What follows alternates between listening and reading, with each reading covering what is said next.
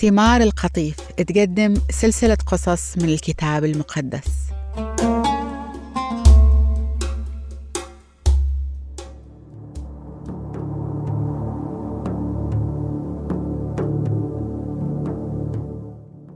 قام طلع لوط حواليه وشاف الأودية المحوطة بنهر الأردن وممتدة لحد منطقة صوغر ولوط شاف الأودية مرتوية وشكلها زي جنة الله الحي وزي أرض مصر.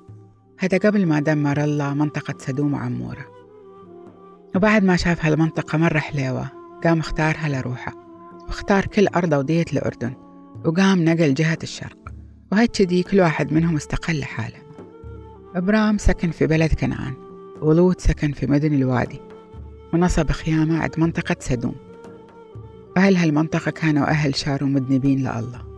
وقال الله لأبرام بعد ما استقل عن لوط ارفع عيونك وشوف حواليك في المكان اللي أنت فيه وطلع جهة الشمال والشرق والجنوب والغرب. هالأرض بكبرها اللي تشوفها بعطيك إياها لك وللبدر اللي بتجي منك بتبقى في هالأرض للأبد. وبخلي هالبدرة تصير عدد رمل الأرض.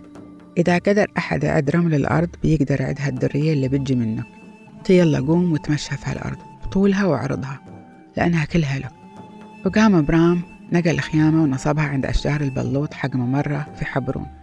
وبنى لله الحي مذبح. هناك وفي هذاك الوقت كان في حرب قامت بين أربعة ملوك من ملوك ذاك الزمن وخمسة ملوك ثانيين وهكذي صارت الحرب. الأربعة الملوك كانوا أمرافل ملك شنعار وأريوك ملك الأسار وكدل عمر ملك عيلام وتدعال ملك جويم.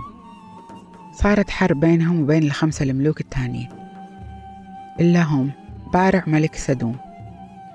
وبرشاع ملك عمورة وشناب ملك أدمة وشم إيبر ملك صبويم وملك بالع ومنطقة تبعات كانت معروفة باسم صويغر. والخمسة الملوك كلهم اتجمعوا في وادي السديم وهو بحر الملح المعروف بالبحر الميت حاليا عشان يشنوا الحرب. كان عمر ملك عيلام كان مستعبد الخمسة الملوك اللي ذكرتهم لمدة 12 سنة وفي سنة 13 من استعبادهم قامت مردوا عليه. وفي سنة 14 كدر عمر جمع أتباع الملوك وهزموا الرفائيين في عشتاورت قرنايين والزوزيين في هم والآيميين في سهل قريتايم والحوريين في جبلهم سعير. وكمل إلى منطقة الفاران اللي على حدود الصحراء وبعدين توجهوا إلى عين مشفاط المعروفة بعد باسم قادش. وهزموا كل بلاد العمالقة والأموريين. اللي كانوا ساكنين في حصون تامر. وفي نفس السنة قاموا الملوك الخمسة ملك سدوم وملك عمورة وملك أدمة وملك صبوئيم وملك بالع تجمعوا في وادي السديم وهاجوا بحرب ضد الملوك الأربعة. كدر عمر ملك عيلام وتدعال ملك جويم وأمرافل ملك شنعار وأريوك هو ملك الأسار. وكانوا هالملوك أربعتهم ضد الخمسة الملوك التانيين وكان وادي السديم مليان آبار زفت. ويوم حاولوا ملك سدوم وعمورة يفلحوا طاحوا في هديك الآبار. والباقي فلحوا وراحوا للجبال ويوم انتصروا الملوك الأربعة قاموا أخذوا كل ما في سدوم وعمورة من أملاك وأكل.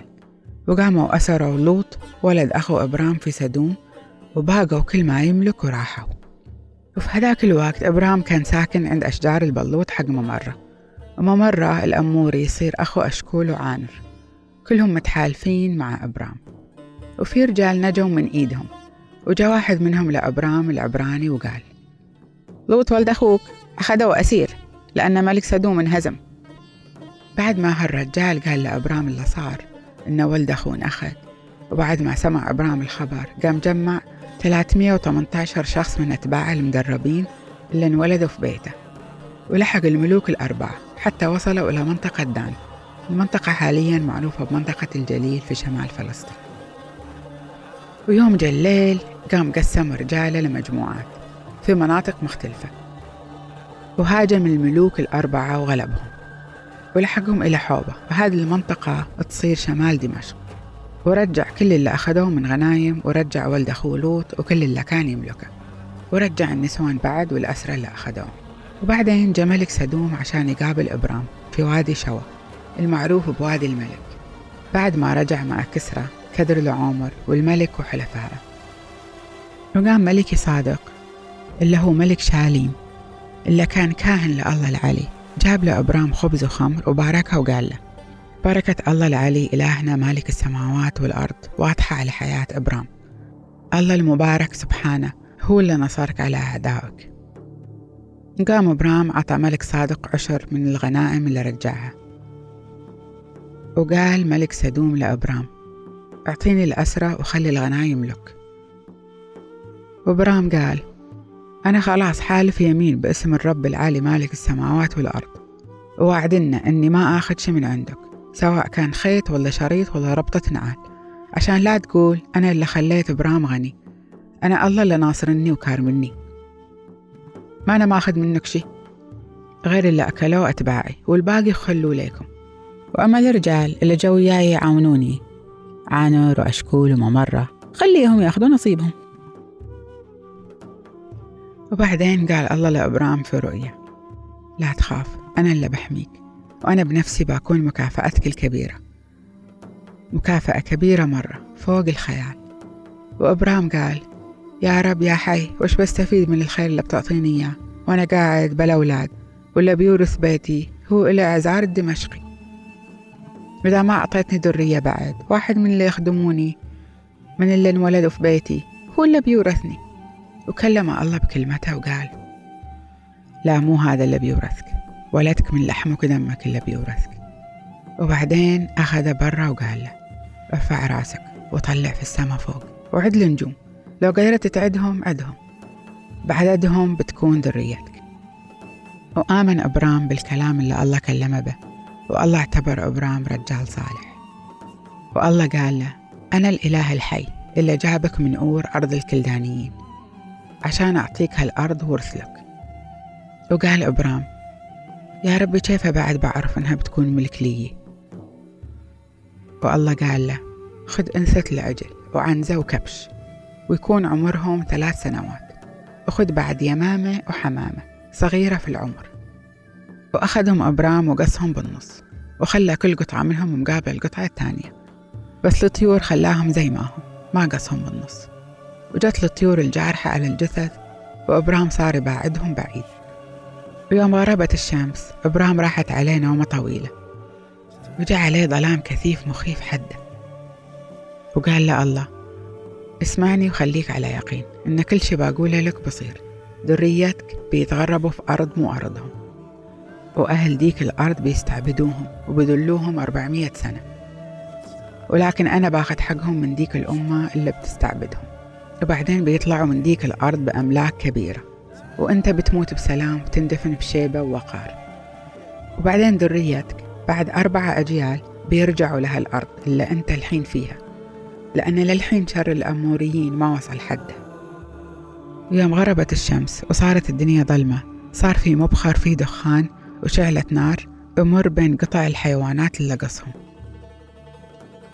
وفي هذاك اليوم الله وعد برام وقال له بعطي ذريتك هالأرض من وادي مصر وهو نفسه وادي العريش إلى النهر الكبير نهر الفرات. وأرض القينيين القنزيين والقدمونيين والحثيين والفرزيين والرفائيين والأموريين والكرعانيين والجرجاشين واليوسيين. ومعنى أن شر الأموريين ما وصل حده. يعني الله إلى حد وبرحمته حط لهم حد عشان يتوبوا.